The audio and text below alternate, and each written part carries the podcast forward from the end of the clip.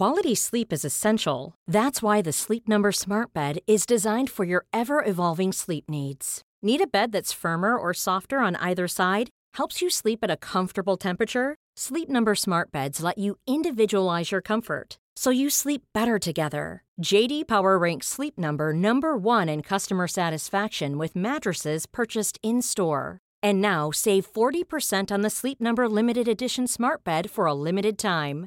For JD Power 2023 award information, visit jdpower.com/awards. Only at Sleep Number stores or sleepnumber.com. There's never been a faster or easier way to start your weight loss journey than with PlushCare. PlushCare accepts most insurance plans and gives you online access to board-certified physicians who can prescribe FDA-approved weight loss medications like Wigovi and Zepbound for those who qualify. Take charge of your health and speak with a board-certified physician about a weight loss plan that's right for you. Get started today at plushcare.com slash weight loss. That's plushcare.com slash weight loss. plushcare.com slash weight loss. A lot can happen in the next three years. Like a chatbot may be your new best friend. But what won't change? Needing health insurance. United Healthcare Tri Term Medical Plans are available for these changing times. Underwritten by Golden Rule Insurance Company, they offer budget friendly, flexible coverage for people who are in between jobs or missed open enrollment. The plans last nearly three years in some states, with access to a nationwide network of doctors and hospitals. So, for whatever tomorrow brings, United Healthcare Tri Term Medical Plans may be for you. Learn more at uh1.com. Palmemordet, GMP del 5 Kritik av gärningsmannaprofilen Hej, jag heter Dan och jag gör den här podcasten om Palmemordet då. Jag arbetar, har en enskild firma, jag sysslar med YouTube och podcaster. Därför är jag beroende av er sponsring. Så att på patreon.com palmemordet så kan ni sponsra den här podcasten. Och nivån på sponsringen avgör vilket spår som kommer bli nästa. Själva diskussionen om vilket spår som blir nästa och hur vi avgör det, det görs på facebook.com palmemordet. Så gå dit, likea det och häng där med mig. Om ni tycker Patreon är komplicerat så går det bra att sponsra med Paypal eller Swish. Så skicka ett meddelande på Facebook till Palmemordet. Så får ni kontaktinformationen. Och jag vill även gärna att när ni blir en sponsor för Palmemordet Nämn vilket spår som är ert favoritspår så ska jag försöka vikta in det på något sätt. Nu har vi i fyra veckor låtit Åsgård och Olsson stå oemotsagda och eh, ge oss den här bilden av en ensam gärningsman. Men det finns kritik mot gärningsmannaprofilen och då menar jag inte privatspanarnas kritik eller ja, alla som studerar Palmemordet och vad de tycker om det här. För det här är ju verkligen inte mainstream bland folk som försöker utreda Palmemordet på egen hand. Utan det här är formell kritik som har riktats mot gärningsmannaprofilen och den kommer huvudsakligen från eh, Riksrevisionen, från FBI, från Robert Ressler specifikt utöver övriga FBI. Och så kommer jag även kort att nämna Lars Borgnäs som gjorde en, en video där han granskade hela, hela granskningskommissionens arbete då, eh, 99. Så, jag tänkte börja med Riksrevisionen. Riksrevisionen är alltså en myndighet vars syfte är att granska ja, från deras egen hemsida då. Riksrevisionen granskar internrevisionen vid statliga myndigheter. Och i samband med granskningskommissionens arbete 99 då så gjorde Riksrevisionen en granskning, RRV, av utredningsmaterialet. Och där konstateras då att GMP intar en central ställning i mordutredningen. Den utgör den enda heltäckande sammanställningen av utredningsmaterialet. RRVs utredare bedömde det som värdefullt att Palmeutredningen låtit genomföra en GMP-undersökning trots de begränsningar som förelåg. GMP kunde komma att visa sig ha ett värde vid försöken att klara upp mordet. Framför allt genom att fokusera utredningen på hypotesen om en ensam gärningsman som handlat utan föregående planering. I det hänseendet bedömdes GMP även kunna ge råg i ryggen åt utredarna RRV-experterna hade i och för sig invändningar mot flera av de bedömningar som låg till grund för GMPs slutsatser. Men ansåg att GMP egentligen borde betraktas som ett strukturerat sätt att hålla samman det som har varit PUs huvudscenario. Innebörden av detta är att analysen av hypotesen om den ensamma gärningsmannen bedömdes vara väl utförd men att resonemangen angående övriga hypotesers jämförelsevis lägre halt för den skull inte alltid övertygade. Uh -oh. I sin kritiska analys inriktar sig RRV-experterna på det stöd som i GMP anfördes för att utesluta andra scenarier framför allt möjligheten av en konspiration. De huvudreflektioner som redovisas hade dock en vidare syftning. Enligt RV-experterna verkade GMP ha påverkats mycket av möjligheten av Christer Pettersson som gärningsman. Det framstod som om GMP på flera punkter hade garderat sig för att täcka in just denne som förövare. Till stöd anfördes följande citat ur GMP vilket alla föreföll som klippta ur Christer Petterssons personakt. Och här kommer då fyra citat från GMP. Det är även tänkbart att han är förtidspensionerad. Och varvid olaga hot eller misshandel kan ha blivit följden av hans oförmåga att hantera frustrationer och kränkningar. Och vanligen inte leda till kontakter med den psykiatriska vården, i varje fall inte under frivilliga former. Och slutligen att ett eventuellt amfetaminmissbruk vid tiden för mordet inte kan ha varit nämnvärt intensivt. Detsamma tog det gälla för alkoholmissbruk. RRV-experterna hade i sammanhanget påpekat att en konstruktör av en gärningsmannaprofil omöjligen kan frigöra sig från särdrag hos kända misstänkta. De pekade på risken för att konstruktörerna kunde frestas att gardera sig för att inte behöva stå med lång näsa om gärningsmannen skulle vara identisk med en sådan känd misstänkt gärningsman. En andra övergripande synpunkt var att en gärningsmannaprofil inte bör konstrueras utifrån en enstaka händelse med så magert underlag som i detta fall. Det behövdes mer specifika särdrag i det enskilda brottet eller flera händelser med likartat mönster. Nu har de ju precis sagt att det fanns ett värde att göra det trots förutsättningarna. Nu säger de lite emot sig själva här tycker jag. Eh, RRV-experterna fortsätter. Dessa två brister i förhållande till det ideala utgångsläget inför ett GMP-arbete, som ju var väl kända och diskuterade även i GMP, utgjorde dock inte ett sådant hinder mot metodens användare att man borde avstå helt. Det alternativet hade varit sämre. Okej, då, då förstår jag. I enskildheter och med sikte på det som i GMP anfördes för att utesluta en konspiration noterade RRV-experterna bland annat följande. GMPs slutsatser att en konspiration måste engagera mycket folk från 3 till 4 upp till dussin och ta mycket tid i anspråk var överdrivna och grundade på förhållanden i andra länder. RRV-experterna pekade på att Olof Palme ofta rörde sig utan livvakter och om ni vill se hur ofta Olof Palme rörde sig utan livvakter så kolla på Youtube-kanalen Palmemordet för där har jag gjort en video där jag går igenom hela februari månad och ser hur ofta Olof Palme hade livvakter och det var inte särskilt ofta. RUV fortsätter. Hans personskydd var i största allmänhet dåligt varför planeringsbehoven för en konspiration inte hade behövt vara särskilt stora. Beträffande jämförelse med andra attentat reses, reser RRV två invändningar. Det första gällde GMPs slutsats att det skulle vara ovanligt att det inte finns ett lätt identifierbart motiv till brottet. Detta grundar sig sannolikt på det tankefel att vi i nästan samtliga av de redovisade fallen i efterhand vet av vem attentatet utfördes och varför.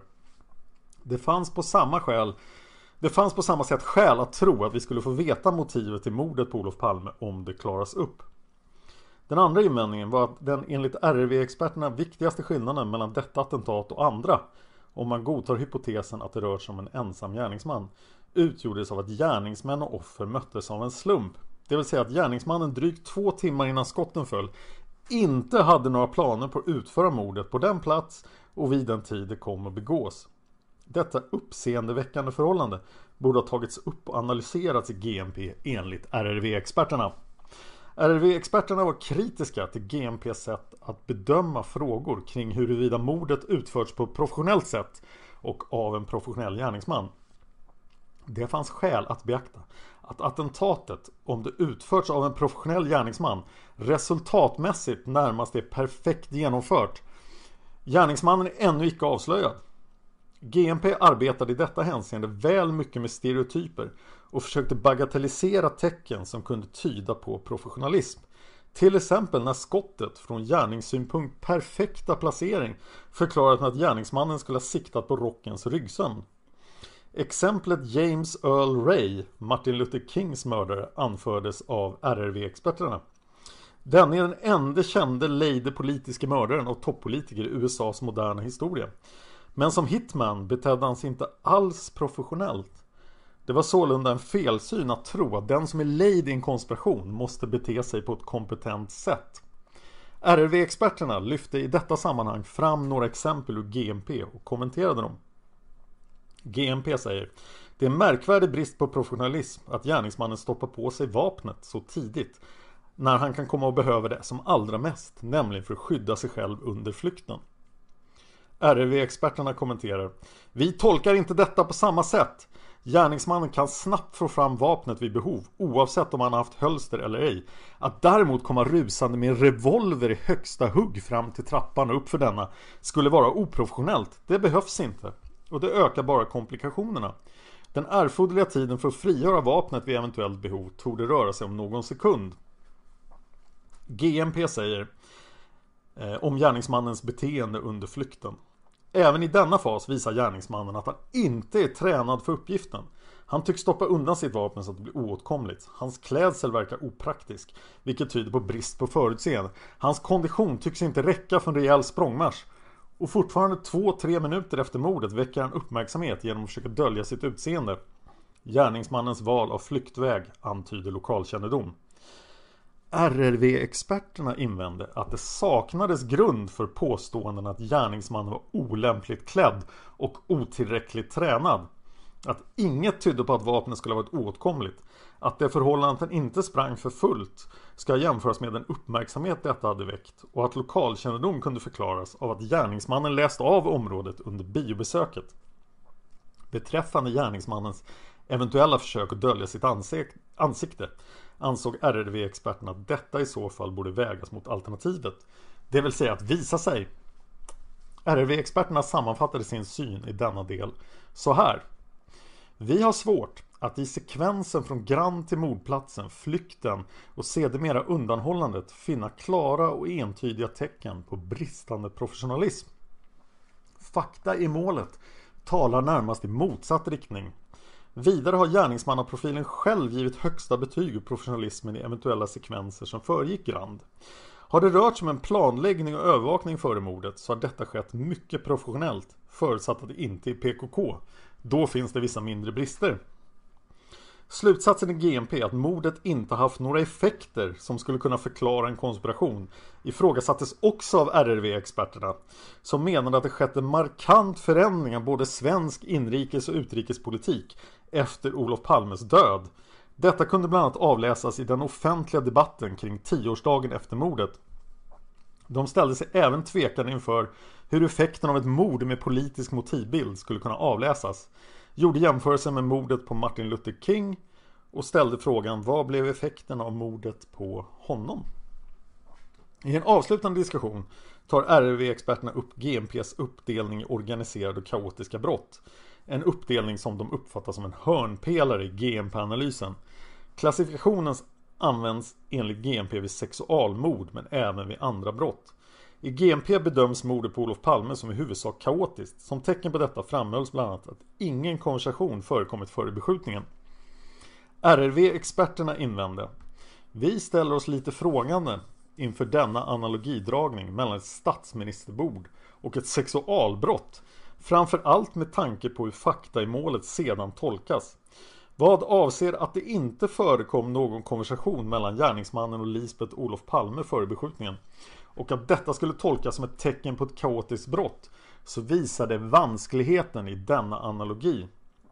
Skulle gärningsmannen istället ha tilltalat Olof Palme före avlossandet av kulan så skulle väl ändå detta vara ett tydligare tecken på ett kaotiskt brott det fyller ingen som helst vettig funktion i sammanhanget att tala ut först. Det kan inte rimligen jämställas med en sexualbrottsling som, brottsling som ger sig på sitt offer utan närmare presentation. Vi ser tvärtom detta som ett tecken på ett organiserat och rationellt brott. Och i framtida avsnitt om mötesscenariot då ska vi titta på de fakta som faktiskt kan antyda att det ändå har förekommit konversation mellan gärningsmannen och Olof Palme innan mordet. Hi, I'm Daniel, founder of Pretty Litter. Cats and cat owners deserve better than any old-fashioned litter. That's why I teamed up with scientists and veterinarians to create Pretty Litter. Its innovative crystal formula has superior odor control and weighs up to 80% less than clay litter. Pretty Litter even monitors health by changing colors to help detect early signs of potential illness. It's the world's smartest kitty litter. Go to prettylitter.com and use code ACAST for 20% off your first order and a free cat toy. Terms and conditions apply. See site for details. If you thought the only way to get a more defined jawline with natural looking results was through surgery, think again. Juvederm Volux XC is a non surgical injectable gel filler that improves moderate to severe loss of jawline definition and can help you achieve natural looking results with little downtime. Even better, this improved definition lasts up to one year with optimal treatment. No maintenance required. Improve jawline definition for a smooth, sculpted look with Juvederm Volux XC. For important safety information and to find a licensed specialist, visit juvederm.com. That's J U V E D E R M.com. Not for people with severe allergic reactions, allergies to lidocaine, or the proteins used in Juvederm. Common side effects include injection site redness, swelling, pain, tenderness, firmness, lumps, bumps, bruising, discoloration, or itching. There's a risk of unintentional injection into a blood vessel, which can cause vision abnormalities, blindness, stroke, temporary scabs, or scarring. Talk to a licensed specialist to find out if it's right for you.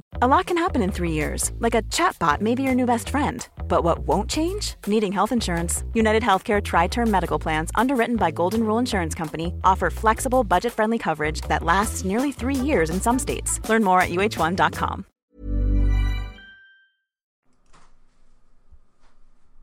Gärningsmannaprofilmetoden då är en amerikansk uppfinning och den ingår i en utredningstradition som idag förvaltas av FBI.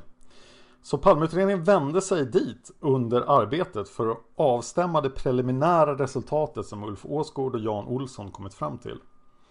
Så kommissionen översatte GMP till engelska och gav den till den nämnda avdelningen vid FBI och dels till en erfaren före detta utredare vid FBI som heter Robert Ressler. Och de fick tillfälle att studera materialet och komma med synpunkter på det. Och granskningskommissionen då ställde frågor till dem runt material som detta. Så arbetet med FBI har skett i två tillfällen. Först när gärningsmannaprofilen togs fram och sen när granskningskommissionen kom dit eh, sex år senare. Så, för att först prata om FBI då och sen om Robert Ressler. Så enligt vad som framgår i gärningsmannaprofilen besökte Ulf Åsgård och Jan Olsson tillsammans med Hans Ölvebro FBI National Academy i Quantico, Virginia under tre dagar i januari 1994.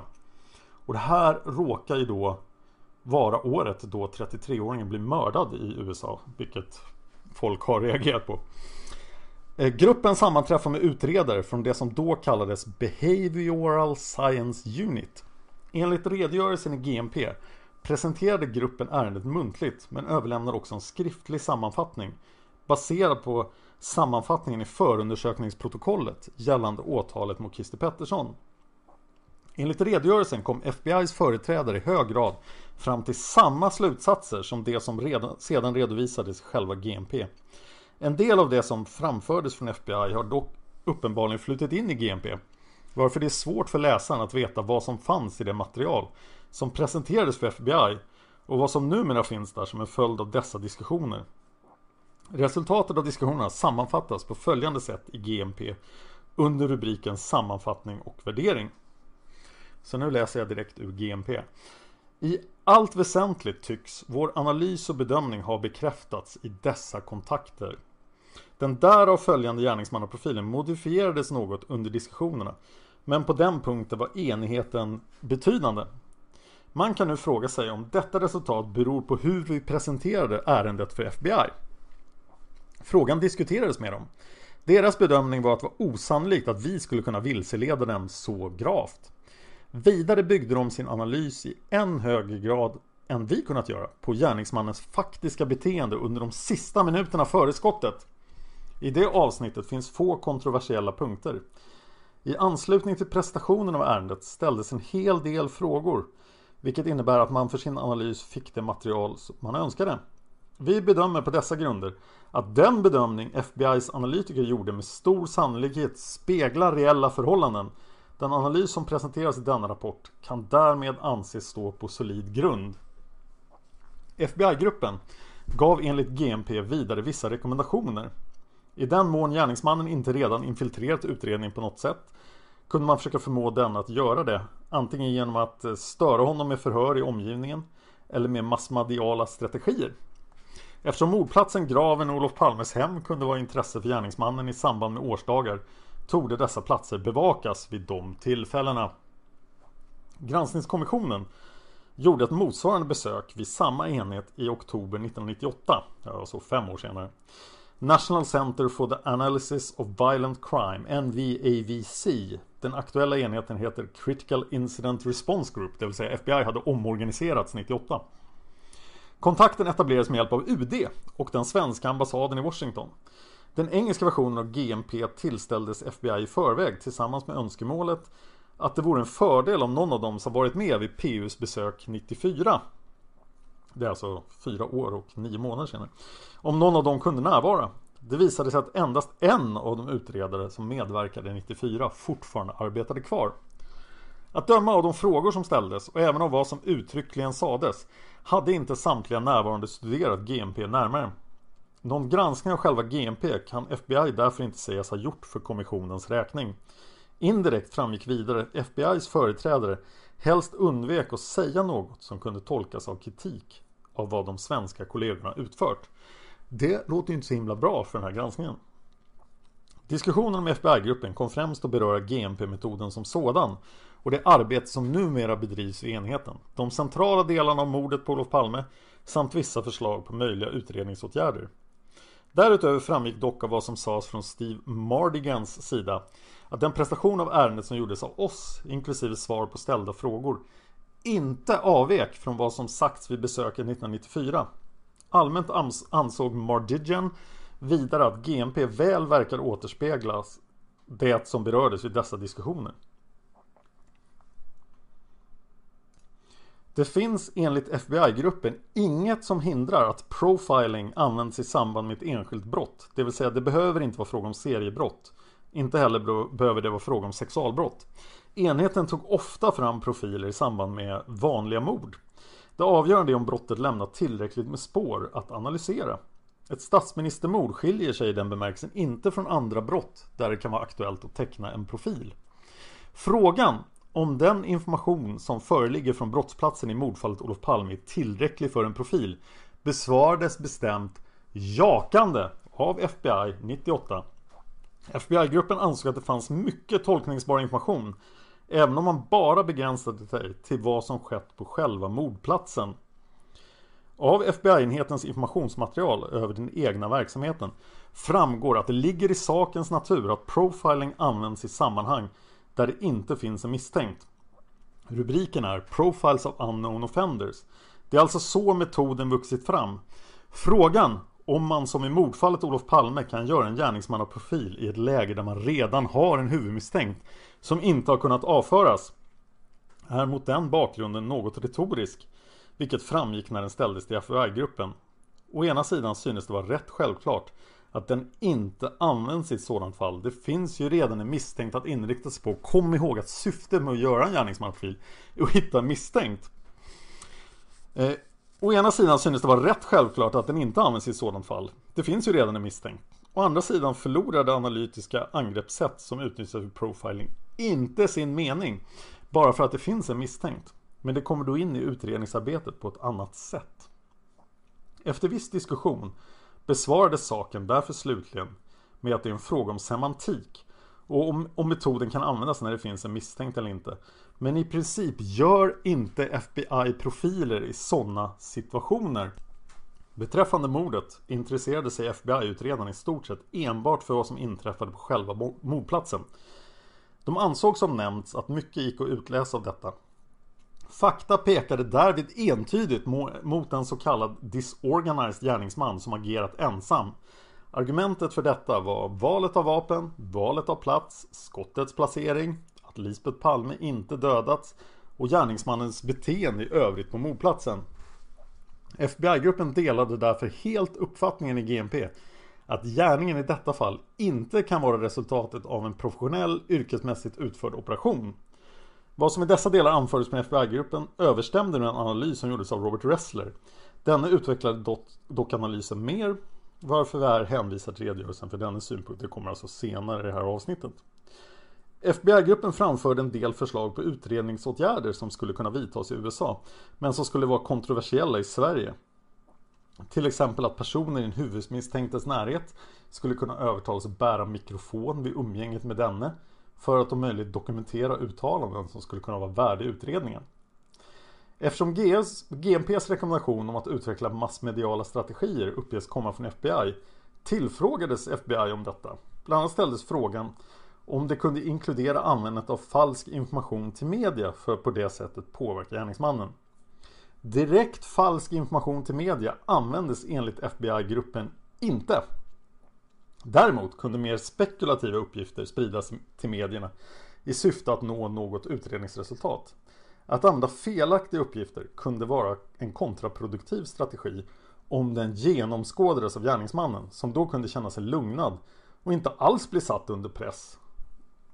Beträffande massmediala strategier infördes, anfördes som alternativ möjligheten att låta personer med insikt i profiling och liknande verksamhet i radio eller television diskutera brottet med utgångspunkt från vad man vet om brottsplatsen. Det skulle kunna göra allmänheten mer vaksam på vilken typ av person som kan ha begått brottet hur han kan ha betett sig innan han begick det och efter. Det var FBI-gruppens erfarenhet att spridande av, såna, av sådan kunskap kunde leda till att värdefulla tips kom in från allmänheten. Gruppen påpekar också att mediala strategier som visat sig framgångsrika ofta inriktats på att påverka eventuella uppgiftslämnares empati med offren snarare än att vädja till deras pliktkänsla. Och jag har nu kommit fram till Robert Ressler.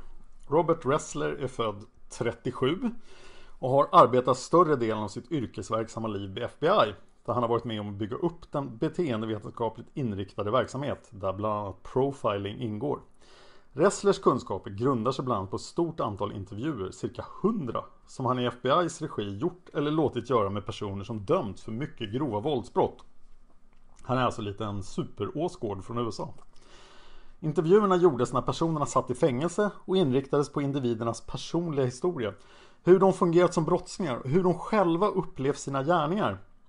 Syftet var att inom FBI bygga upp en kunskap som kunde användas vid efterspanandet av våldsbrottslingar. Och den uppenbara hypotesen var att det finns mönster och beteenden som upprepas samt att våldsbrottslingar i viss mån kan klassificeras. Robert Ressler har numera, alltså det vill säga 99 då, lämnat FBI och driver en privat verksamhet inom sin specialitet Forensic Behavioral Services. Han har skrivit ett flertal böcker. Där finns redogörelser för de intervjuer han genomfört, fallstudier av olika slag och viss teoribildning kring brottsklassificering. Några av Wrestlers böcker är oberopade som referenser i GMP. Han synes anlitad över stora delar av världen i samband med ouppklarad våldsbrottslighet Wrestler synes med andra ord vara en oomstridd expert på just gärningsmannaprofiler. Granskningskommissionen träffade Wrestler i oktober 98. Wrestler hade dessförinnan fått, tillsänd, fått sig tillsänd den engelska versionen av GMP. Kontakten med Wrestler hade etablerats med hjälp av UD och den svenska ambassaden i Washington. Vid mötet framgick att Wrestler hade viss tidigare kunskap om mordet genom svenska journalister som redan intervjuat honom. Han hade sett ett svenskt tv-program i vilket det bland annat fanns en rekonstruktion av makarna Palmes promenad från Grand till mordplatsen och händelserna på mordplatset. Denna gav dock enligt Wrestler samma bild av händelserna som den som framfördes i GMP. Han hade enligt egen utsago och döma av de frågor han ställde ingen kännedom om Christer Petterssons person. Det framhölls för Wrestler att vi förväntar oss att hans synpunkter ska gälla enbart GMP och fakta sådana som de är presenterade i GMP. Därefter ställde han frågor som vi, det vill säga granskningskommissionen, besvarade utifrån fakta sådana de är kända och sådana de är presenterade i detta betänkande. Wrestler har inte varit anlitad av den svenska polisen och har alltså inte haft något med GMP att göra före sitt uppdrag åt granskningskommissionen. Wrestlers synpunkter på själva GMP här nedtecknades så som de framfördes och uppfattades av oss under den diskussion som fördes. Granskningskommissionens intresse var framförallt inriktat på de synpunkter Ressler hade att framföra på GMP. Inte vilken alternativ profil han själv skulle ha kommit fram till. Dessa två saker kan emellertid inte hållas isär helt och hållet. Det bör därför understrykas att framställningen nedan inte kan läsas så att enligt Wrestler tog gärningsmannen ha de eller de egenskaperna. Det vill säga som en av Wrestler tecknad profil. Det är viktigt, alltså Robert Wrestler ställde inte upp en egen gärningsmannaprofil för Palmemordet. Wrestler tycker att gärningsmannaprofilering kan användas, att det finns tillräckligt mycket fakta för att göra en gärningsmannaprofil här. Men på frågan om en profil kan konstrueras när det redan finns en misstänkt i utredningen svarade Wrestler att det i sådana fall alltid finns en risk att profilen följer det scenario som redan etablerats i utredningen. Det är därför viktigt att den som gör profilen avskärmar sig från information om den misstänkte. Det var så FBI gjorde sina profiler enligt Wrestler. Man undanbad sig all information från den lokala polismyndigheten som gällde misstänkta individer.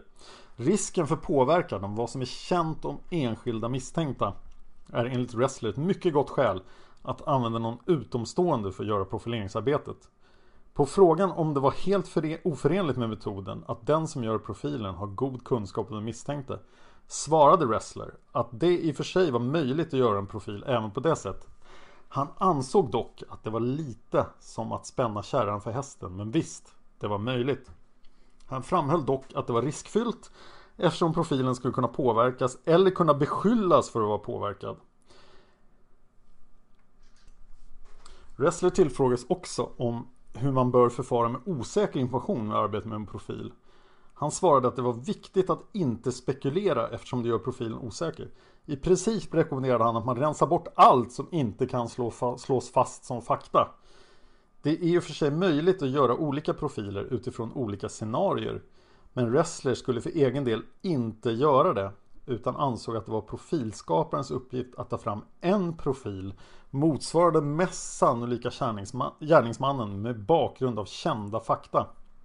Ställd inför upplysning att vissa av de fakta som används i GMP till exempel att gärningsmannen skulle ha lagt sin hand på offrets axel före skottet och att han skulle ha stoppat undan vapnet redan på mordplatsen torde få betraktas som antaganden snarare än belagda fakta uttalar han att dessa uppgifter enligt hans mening bara hade perifer betydelse och att han inte kunde se någon vits med att använda dem alls om de var osäkra.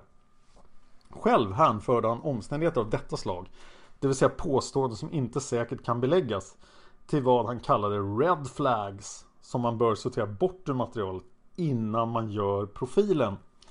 Ressler påtalade för egen del några uppgifter av det slaget.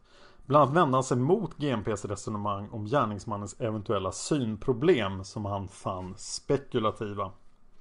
Ressler tillfrågades om det skulle vara möjligt för honom eller några av FBI's utredare att själva åka till Stockholm samt studerat fakta i ärendet och upprättat en profil som alternativ till att profilen som nu blev fallet gjordes av svensk polis.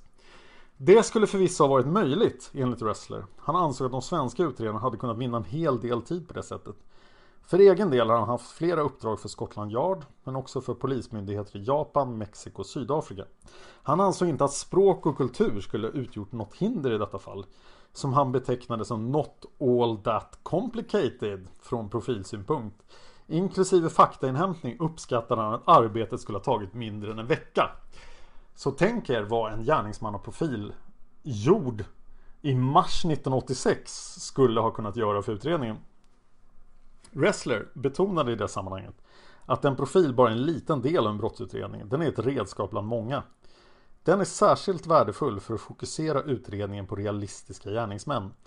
Ressler framhöll även allmänt att profil i detta fall skulle gjort störst nytta på ett tidigt stadium i denna utredning eftersom han hade kunnat underlätta utredningsarbetets inriktning och sortera bort uppslag som med tanke på fakta från brottsplatsen är osannolika. I den bemärkelsen trodde Ressler att en profil skulle kunna jagat iväg en del spöken, host, eh, PKK, host, som exempel på en personlighetstyp som man med stöd av en tidig profil hade kunnat eftersöka via förfrågningar nämnde han medelålders män som kunde ha iakttagits vid upprepade tillfällen i området på kaféer eller liknande. Alltid ensamma, kanske med ytterkläder eftersom gärningsmannen kan misstänkas ha haft för vana att bära sitt vapen under lång tid före mordet. Sen kom vi fram till Wrestlers allmänna synpunkter på GMP. Eh, Robert Ressler ansåg att rapporten som helhet var en godtagbar, genomarbetad produkt. Basically okay. Som dock led av en uppenbar brist på sofistikation. Det positiva grundomdömet gällde även själva profilen. Om man betraktade något av ett första verk, det vill säga att författarna som de själva angivit inte hade någon längre erfarenhet av metoden. Det sistnämnda märktes enligt Ressler, de var alltså nybörjare. Som exempel pekade han på att faktorer som är relevanta vid vissa sexualmord används trots att de enligt Wrestlers mening var irrelevanta vid ett statsministermord. Detta gällde anmärkningen i GMP att det inte förekom någon konversation mellan gärningsman och offer före angreppet. Iakttagelsen är relevant för sexualbrott där den indikerar oorganiserade gärningsmän. Men här saknas den, saknar den helt relevans. I den meningen tyckte han att författarna hade klippt och klistrat en del. De hade använt redskap som de inte riktigt behärskade.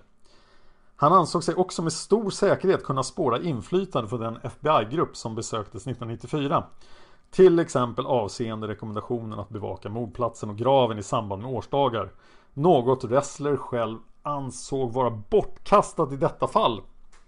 Sammantaget ansåg Ressler att redogörelsen för fallen, fallet och analysen var förtjänstfulla samt att de övergripande slutsatserna var helt riktiga men att en del av de argument som anfördes var felaktiga.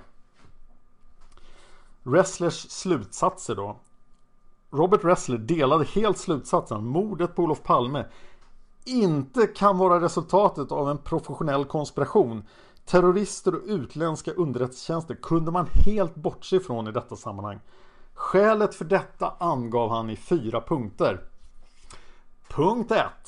Valet av vapen. En Magnum revolver med 6 tums pipa skulle aldrig någonsin användas i ett professionellt sammanhang. Skälet till detta var att den uppmärksamhet ett vapen av detta slag drar till sig främst på grund av ljudet men även på grund av sin storlek. Det finns små pistoler som kan användas med ljuddämpare som är minst lika effektiva. Att mitt inne i en stad med de ekoeffekter som uppstår bland höga hus använda en revolver och dessutom tillsammans med den aktuella ammunitionen som har en extra hög ljudeffekt är inget som en professionell gärningsman skulle välja. Ammunitionen förbryllade Robert Ressler. Kulor av detta slag kan gå rakt igenom flera människokroppar och behöver då inte göra så mycket mer skada än ett hål rätt igenom kroppen. Med tur kan offret överleva. En mer genomtänkt planering skulle leda till att använda ammunition som stannar i offrets kropp och expanderar eller exploderar vilket leder till en från gärningsmannens synpunkt säkrare effekt. I synnerhet om skottet riktas mot huvudet. Beträffande ammunitionen konfronterades Lessler med argumentet att denna ammunition kan ha varit vald för att genomtränga en skottsäker väst. Vilket i så fall skulle tyda på en professionell förberedelse. Robert Ressler ansåg inte att detta gick ihop. Om gärningsmannen ville gardera sig mot en skottsäker väst torde det ha lett till att ett skott mot huvudet med en annan ammunition. Sammanfattningsvis sa Robert Ressler att vapenvalet och ammunitionsvalet pekade på en amatör. Robert Resslers punkt 2 Skottets placering En professionell gärningsman skulle ha placerat skottet i offrets bakhuvud. Tillsammans med en ändamålsenlig ammunition hade detta varit det enklaste och effektivaste sättet om syftet var att döda Olof Palme. Ressler konfronteras här med den bedömning som från rättsläkarhåll presenterades för kommissionen. Nämligen att ett skott i den region som gärningsmannen valde utgjorde ett optimalt sätt att döda en människa. Det här står alltså i obduktionsrapporten. Ressler höll med om att det kunde vara så. Eller åtminstone var det Kari Ormstad, obducenten, sa det om mordet på Olof Palme. Ressler höll med om att det kunde vara så, förutsatt att gärningsmannen visste exakt vad han gjorde. Men ansåg att ett sådant förfarande var mycket riskabelt från gärningsmannens synpunkt eftersom det är så väldigt lätt att missa. Mycket lättare att skjuta i huvudet alltså. Robert Resslers punkt 3 som tyder på en att det inte är en professionellt mord. Det är att Lisbeth Palme inte dödades. Gärningsmannen uppfattade att Lisbeth Palme såg honom men försäkrade sig ändå inte om att detta vittne röjdes ur vägen vilket en professionell gärningsman skulle ha gjort. Motsatsen vore alldeles för riskabelt. Det hade varit lätt att skjuta Lisbeth Palme i huvudet när hon satt bredvid sin man och det hade varit rationellt från gärningsmannens synpunkt. Om man skulle anta att skottet mot Olof Palme var perfekt måste det skott som avlossades mot Lisbeth Palme betraktas som vårdslöst, vilket inte riktigt går ihop med professionellt agerande. Resslers intryck av beskrivningen var att gärningsmannen på grund av spänningen i situationen klämde av ännu ett skott mot Lisbeth Palme, men att detta till och med kan ha varit oavsiktligt. En oorganiserad mördare har inte en plan som sträcker sig bortom det som är hans huvudmål utan är känslomässigt inriktad enbart på detta och tänker inte på upptäckt eller rättegång. I detta fall var målet Olof Palme och när skottet mot denna var avlossat kan luften ha gått ur gärningsmannen. Det fjärde skälet som Robert Ressler anför då är valet av plats. Platsen var från gärningsmannens synpunkt högst olämplig enligt Robert Ressler eftersom det fanns så mycket folk och bilar omkring. Visserligen hade platsen fördelar som att bilar inte kan följa efter uppför Tunnelgatans trappor. Men det uppvägde inte det faktum att många människor kunde iaktta händelsen, vilket de också gjorde. Ressler synes ha betraktat det som uteslutet att en professionell gärningsman skulle valt att agera under dessa omständigheter. Han ansåg för övrigt att flyktvägen endast till synes var idealisk. I själva verket var den mycket riskabel. Gärningsman hade kunnat springa in i någon. Att flykten lyckades berodde inte på skicklighet. Dessa omständigheter sammantagna gjorde att gärningen enligt Robert Ressler från gärningsmannens synpunkt var ett högriskbrott. Det vill säga gärningsmannen riskerade både att misslyckas och att upptäckas. På de grunderna delade han uppfattningen i GMP att detta brott inte kan vara resultatet av en professionell operation. Diskussionsvis anförde Wrestler även omständigheterna kring biografen Grann med den osäkerhet som fanns kring hur makarna Palme skulle agera efter filmens slut som stöd för att situationen var olämplig från en professionell mördares synpunkt. Allmänt framhöll Wrestler att den som i organiserade former utför brott av detta slag strävar efter att agera under omständigheter och på platser som han själv kontrollerar och inte som i detta fall vara helt utlämnad till vad det tilltänkta offret företar sig. Ställd inför frågan om en person som mördar på uppdrag verkligen behöver uppträda professionellt med tanke på exemplet James Earl Ray som mördade Martin Luther King svarade Wrestler att det finns inte så mycket erfarenhet av sådana mord. Själv trodde han inte på en hyrd amatör. Det är ingen mening med att betala pengar till en person som inte ens vet vad han bör använda för vapen. En grupp som anletar en person som sedan agerar som Olof Palmes mördare måste vara oorganiserad i sig själv. Även i övrigt anslöt sig Wrestler till profilens slutsatser. På ett stort antal punkter redovisar han reflektioner som utvecklar det som sägs i GMP. Ibland gjorde han också reservationer. I några hänseenden, varav vi ska ta upp de viktigaste, tog Wrestler avstånd från gärningsmannaprofilen. Och här kommer de då, avvikelser. Enligt Wrestler är den person som profilen föreställer inte psykopat utan snarare det Wrestler vill kalla borderliner. Graden av personlighetsstörning var med andra ord inte så kraftig som den framställdes i profilen. Det rör sig alltså om en gradskillnad. På en skala som börjar med individer som lider av personlighetsstörningar och slutar med de som är fullt ut psykotiska. Det beteende som gärningsmannen i detta fall företett är tillräckligt sofistikerat för att utesluta en psykopat men förenligt med vad en oorganiserad mördare är kapabel till. Ett mer typiskt beteende för en psykopat hade enligt Ressler var att skjuta, hade varit att skjuta Palme utanför biografen.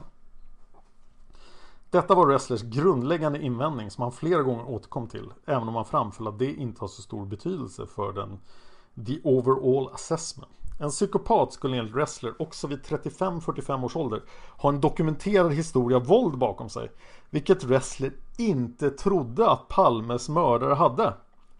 Gärningsmannen kunde mycket väl haft andra bekymmer med rättsvårdande myndigheter, men inte en bakgrund som våldsbrottsling. Brottsling. I det sammanhanget kunde Wrestler mycket väl tänka sig att gärningsmannen var vad han kallade en auktoritetsmördare som livet igenom vänt sig mot auktoriteter som fadern, skolan, militären och arbetsgivare samt därigenom successivt byggt upp en fientlighet mot överheter av olika slag. Ressler ansåg det vidare helt osannolikt att en person av denna typ som beskrivs i profilen skulle kunna vara narkotikamissbrukare och knappast heller alkoholmissbrukare. Individer av detta slag är enligt Ressler starkt introverta och skyr sociala kontakter. Narkotikamissbruk förutsätter, såvida narkotikan inte är extremt lättillgänglig i det samhälle där de lever, sociala kontakter och ett mer utåtriktat levande.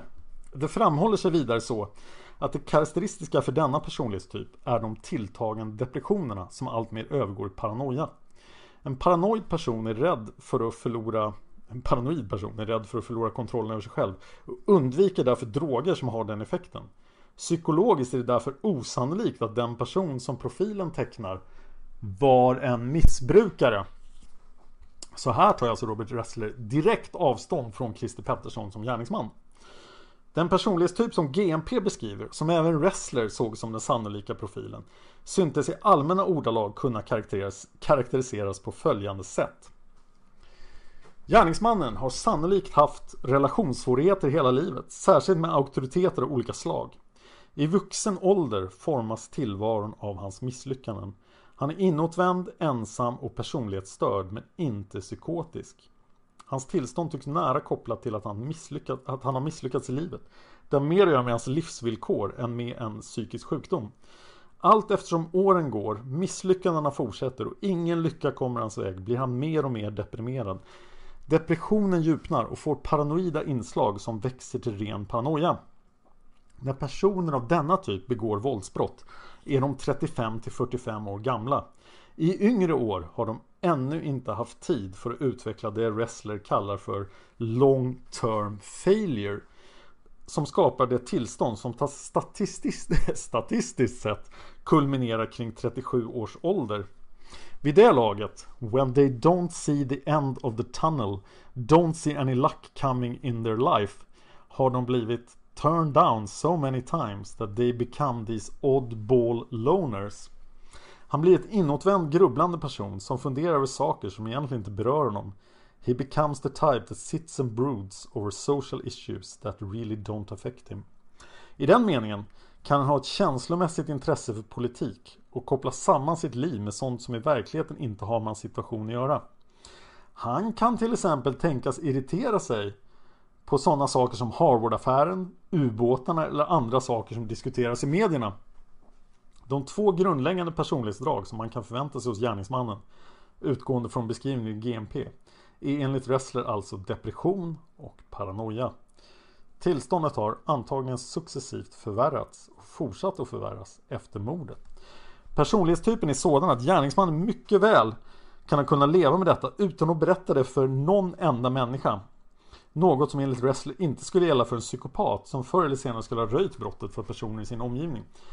Att gärningsmannen begått självmord är en påtaglig möjlighet. Jag kan ju inte låta bli att tycka när jag läser det här att det pekar så mycket mot, mot Christer A, mot GH. Vi fortsätter. Wrestler invänder kategoriskt mot GMPs slutsatser angående gärningsmannens beteende efter brottet. Som sägs i GMP är det en fråga vad, om vad som där kallas en kaotisk, det vill säga oorganiserad brottsling och dessa brukar som det står vanligen inte följa den massmediala redovisningen av sina brott. Detta är riktigt enligt Wrestler som även höll med om att gärningsmannen i detta fall i och för sig kan ha sparat en del tidningsklipp om mordet. Däremot är det oförenligt med den personlighetstypen att aktivt infiltrera utredningen på det sättet som beskrivs i profilen. Det vill säga att gärningsmannen skulle ha försökt skaffa information om utredningsläget, försökt vilseleda polisen, uppträtt som journalist för att få uppgifter eller har förmått andra att lämna uppgifter till polisen. Särskilt det sista står i direkt strid mot den introverta personlighetstyp som profilen i övrigt tecknar. Hi, I'm Daniel, founder of Pretty Litter. Did you know cats tend to hide symptoms of sickness and pain? I learned this the hard way after losing my cat, Gingy. So I created Pretty Litter, a health monitoring litter that helps detect early signs of illness by changing colors, saving you money and potentially your cat's life. Pretty Litter is veterinarian developed, and it's the easiest way to keep tabs on your fur baby's health right at home. Go to prettylitter.com and use code ACAST for 20% off your first order and a free cat toy. Terms and conditions apply. See site for details. Flexibility is great. That's why there's yoga. Flexibility for your insurance coverage is great too. That's why there's United Healthcare Insurance Plans. Underwritten by Golden Rule Insurance Company, United Healthcare Insurance Plans offer flexible, budget friendly coverage for medical, vision, dental, and more. One of these plans may be right for you if you're, say, between jobs, coming off your parents' plan, turning a side hustle into a full hustle, or even missed open enrollment. Want more flexibility? Find out more about United Healthcare Insurance Plans at uh1.com. Even when we're on a budget, we still deserve nice things. Quince is a place to scoop up stunning high-end goods for 50 to 80% less than similar brands. They have buttery soft cashmere sweaters starting at $50, luxurious Italian leather bags, and so much more. Plus, Quince only works with factories that use safe, ethical, and responsible manufacturing. Get the high-end goods you'll love without the high price tag with Quince. Go to quince.com/style for free shipping and 365-day returns. Enligt Wrestlers uppfattning var GMPs antagande i dessa delar påverkade av vad man vet om sexualbrottslingar som upprepar sina brott. Och det hör inte hemma i detta sammanhang. Till samma kategori förde Wrestler rekommendationen att polisen borde övervaka mordplatsen Olof Palmes grav. Det fanns enligt Wrestler ingen anledning att anta att gärningsmannen i detta fall skulle uppträda på det viset. Wrestler hade också vissa invändningar när det gällde gärningsmannens motiv. I grunden saknas det motiv här. Istället rör det sig om vad Wrestler kallar personal cause. Han delar därför uppfattningen i GMP att det rör sig om personligt till skillnad från privat motiv. Det betyder att gärningsmannens motiv härrör från omständigheterna hans eget personliga liv. I GMPs hypoteser talas om en gärningsman motiverad av ett djupgående hat mot Olof Palme. Enligt Wrestler borde det snarare röra sig om en fixering vid Olof Palme eller irritation över Olof Palme. Ressler såg därvid Olof Palme som en symbol, som en syndabock för gärningsmannens egna tillkortakommanden och frustrationer i livet. Därvid tillfrågad om det inte ligger en viss motsättning i det som sägs i omedelbart anslutning till detta uttalande i GMP. Nämligen att gärningsmannen dels alltså skulle ha drivits av ett hat mot Olof Palme Dels skulle ha varit ute efter att döda en prominent person. Svarade Ressler jakande. Enligt Ressler var det senare som var korrekta. Det vill säga att gärningsmannen skulle ha kunnat döda även någon annan känd person. Med hänvisning till amerikanska exempel menade Wrestler att gärningsmän av detta slag inte heller alltid har behov av att framträda med sina dåd. Det bör understryka att Wrestlers kommentar i denna del tog sin utgångspunkt i något som sägs i GMPs hypoteser. Vad som sägs i själva profilen på den här punkt är väl förenligt med Wrestlers kommentarer. Det kan samtidigt noteras att i GMPs slutsatser åter talas om en personlighetsstörd man motiverad att begå brottet till följd av Palmehatet. Så lite övrig information om Robert Ressler då. Eh, Ressler tillfrågades om han inte fann dådet slumpmässigt och om det var sannolikt att en person av det slag som profilen tecknar skulle kunna agera på så kort varsel som det i detta fall måste varit fråga om. Ressler ansåg att man kunde dra vissa slutsatser av detta, bland annat att gärningsmannen var väl förtrogen med området och bodde eller arbetade där. Det är vidare förenligt med personlighetstypen att begå ett spontant opportunistiskt brott som det uppenbarligen var fråga om.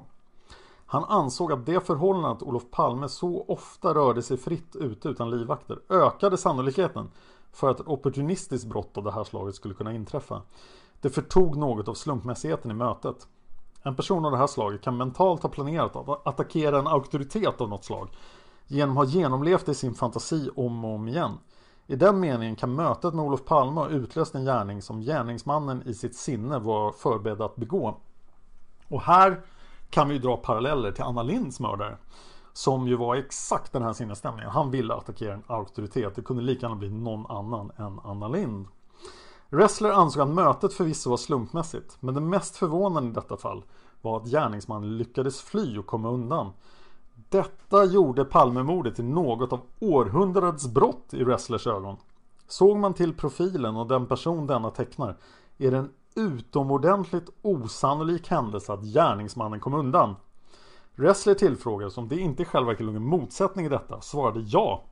Det ligger verkligen en motsättning i detta. Är det inte så att om gärningsmannen passar in i profilen då skulle han inte ha lyckats komma undan?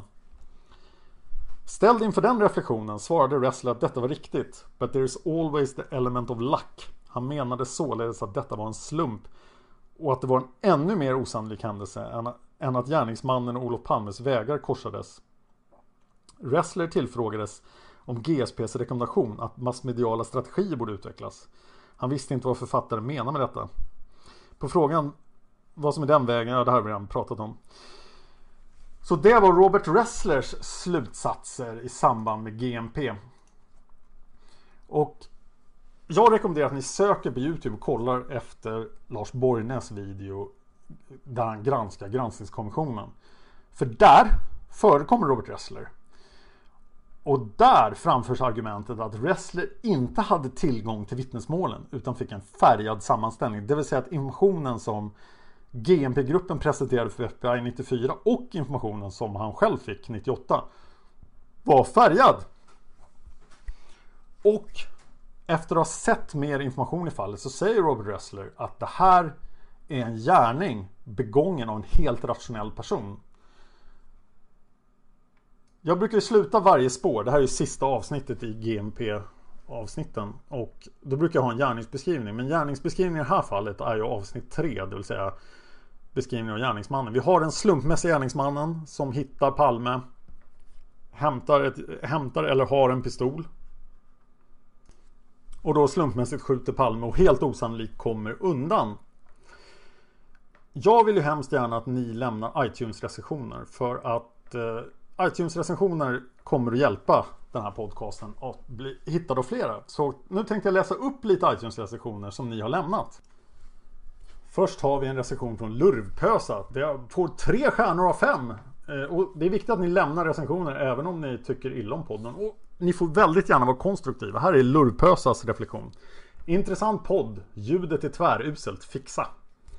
Jag hoppas att jag har fixat ljudet nu. Så att det vore väldigt intressant att höra exakt vad som var dåligt med ljudet och vilket avsnitt. För att jag hoppas att ljudet är bra i det här avsnittet. Jag har program som bevakar ljudet när jag spelar in och det ser bra ut här.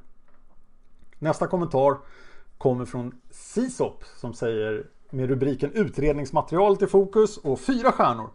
Den här podcasten har utredningsmaterialet i fokus och mindre fokus på mer eller mindre rimliga hypoteser. Ah, det kommer att komma mer eller mindre rimliga hypoteser och vi har ju redan lagt fram RAF och Christer A bland annat. Sen har jag fått tre stjärnor på grund av att avsnitt 3 inte fungerar. Det är ett återkommande problem på iTunes att avsnitt 3, det vill säga skotten på Sveavägen, eh, inte går att lyssna på. Men det är ändå det avsnitt som har mest lyssningar på iTunes. Så att det verkar fungera för de flesta. Om du inte kan lyssna på avsnitt 3 så gå till YouTube-kanalen Palmemordet. Eller säg till mig på Facebook så ska jag skicka en länk direkt till MP3-filen. Så att du kan lyssna på den. Eh, ny recension från Klotter Vilo med rubriken Genomarbetat och fem stjärnor.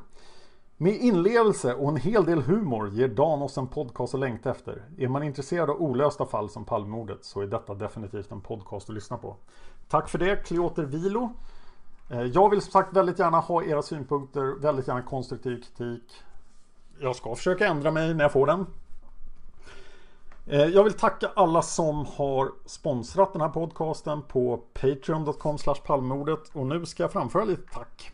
När ni sponsrar så kan ni välja om ni vill ha tack eller inte. Och speciellt om ni sponsrar via Swish eller Paypal så säg till om ni vill ha tack. För på Patreon får man välja om man vill bli tackad eller inte automatiskt. Vi har ett antal 5 dollar Patrons då. När man är en 5 dollar Patreon då får man ställa en fråga till podden som jag kommer besvara i podden. Det är ingen som har gjort den. Så att är ni en 5 dollar Patreon så, så gör det. Jag vill tacka Mattias, Thomas, Andrea, Andreas och Johan för att ni är 5 dollar patrons. Tack så mycket för det. Eh, Johan och Thomas är folk jag känner sedan tidigare så kul att höra av er. Följande personer har sponsrat med 2 dollar och eh, jag vill tacka dem. Det är Jimmy, Anders, Peo, Håkan, Halmstadspodden, Gustav och Karl. Tack så mycket! Och jag tror att jag kanske inte ska nämna efternamn här. Men jag är inte säker. Man vet aldrig vilka Stay Behind söker upp. Ni kan prata med mig på Twitter, att Dan Horning. Jag skulle uppskatta om ni istället går till Facebook kom Palmemordet eller till YouTube och kommenterar där. För att där kan jag svara mycket längre. Jag har svårt att uttrycka mig på 140 tecken. För jag är en pratglad jävel. Det var allt. Eh, vilket nästa spår blir kommer vi avgöra på Facebook. Och det kanske redan är avgjort när ni får det här avsnittet. Men det är nivån på patreon.com slash palmemord som avgör. Nu måste jag vara tyst. Tack så mycket för att du lyssnar. Vi hörs nästa vecka.